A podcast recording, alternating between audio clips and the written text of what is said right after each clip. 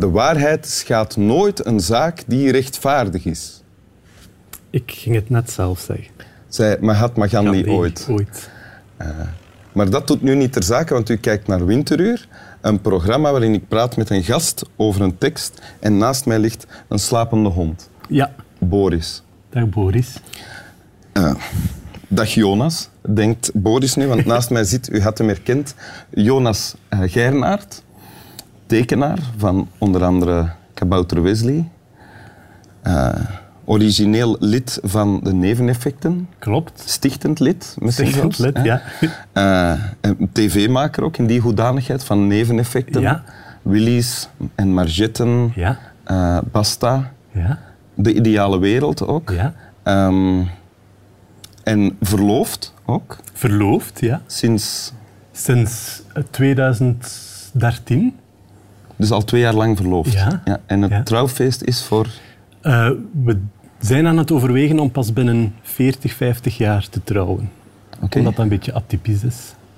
goede reden. En omdat dat een heel goedkoop trouwfeest zou kunnen worden als de meeste van uw kennissen al gestorven zijn.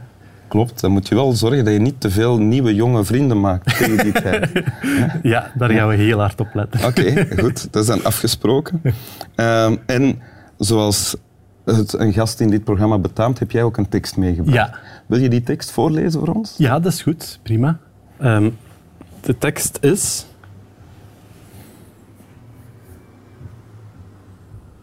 De titel van de tekst is Alarmen.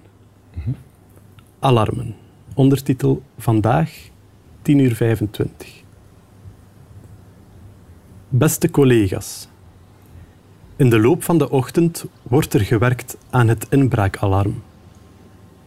De sirenes en andere piepdingen kunnen in de loop van de ochtend nog lawaai maken.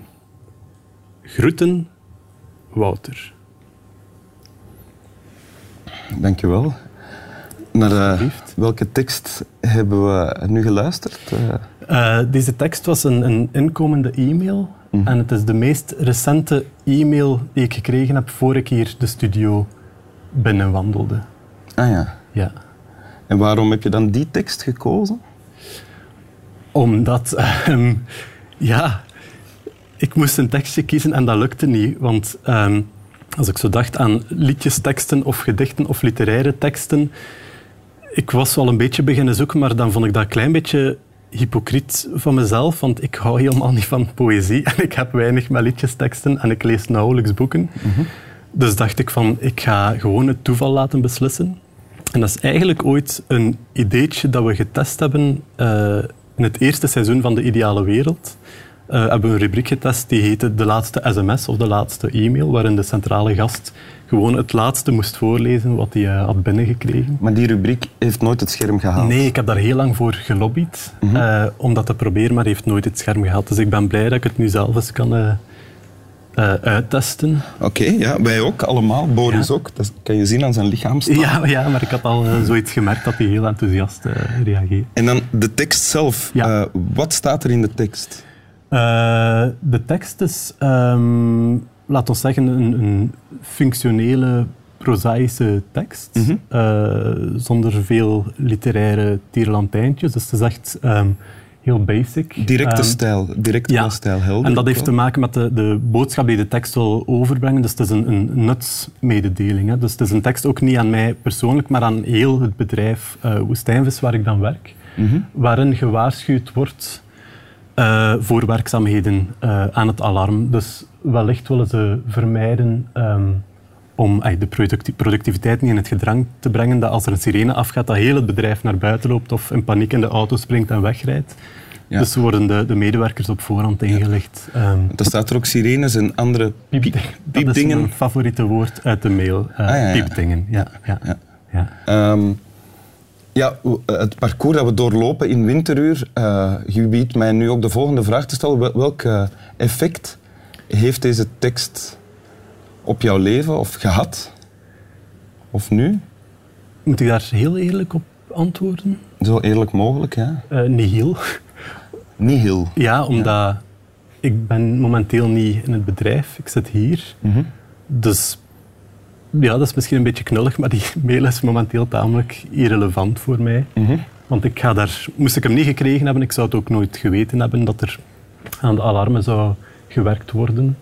En het Ehm, maakt jou ook niet uit, want je ging daar vandaag toch niet zijn. Nee.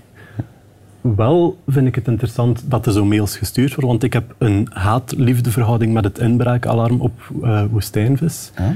Ehm, omdat dat is al een paar keer veranderd van hoe dat je het alarm moet uitschakelen als je de laatste tijd die het bedrijf verlaat. Ja, ja. Wat dat bij mij al heel vaak gebeurd is. En ehm, ik denk dat ik al één keer verantwoordelijk ben geweest voor eh, het, ja, het niet op tijd kunnen uitschakelen van het inbraakalarm.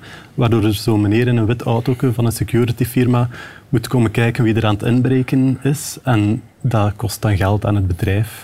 En ik ben er denk ik al één keer eh, de schuldige van geweest. Dat is heel eerlijk dat je dat zo Ja, zegt. Eh, op de televisie. Ja. ja, maar ja, de waarheid is een zaak die Voilà, eh, re- rechtvaardigheid nooit schaadt. van Gandhi. hè. Ja, Mahatma.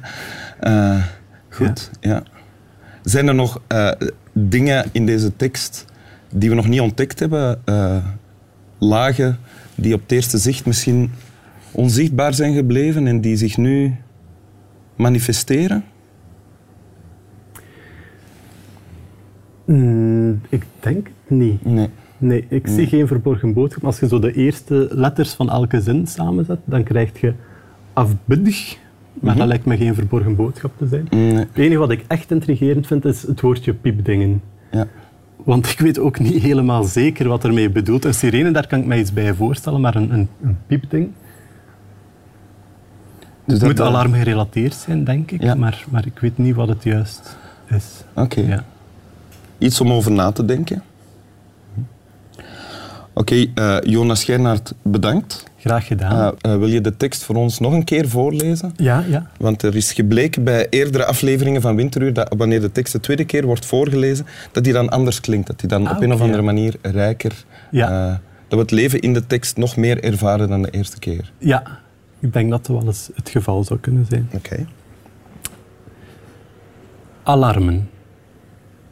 Vandaag 10 uur 25. Beste collega's. In de loop van de ochtend wordt er gewerkt aan het inbraakalarm. De sirenes en andere piepdingen kunnen in de loop van de ochtend nog lawaai maken.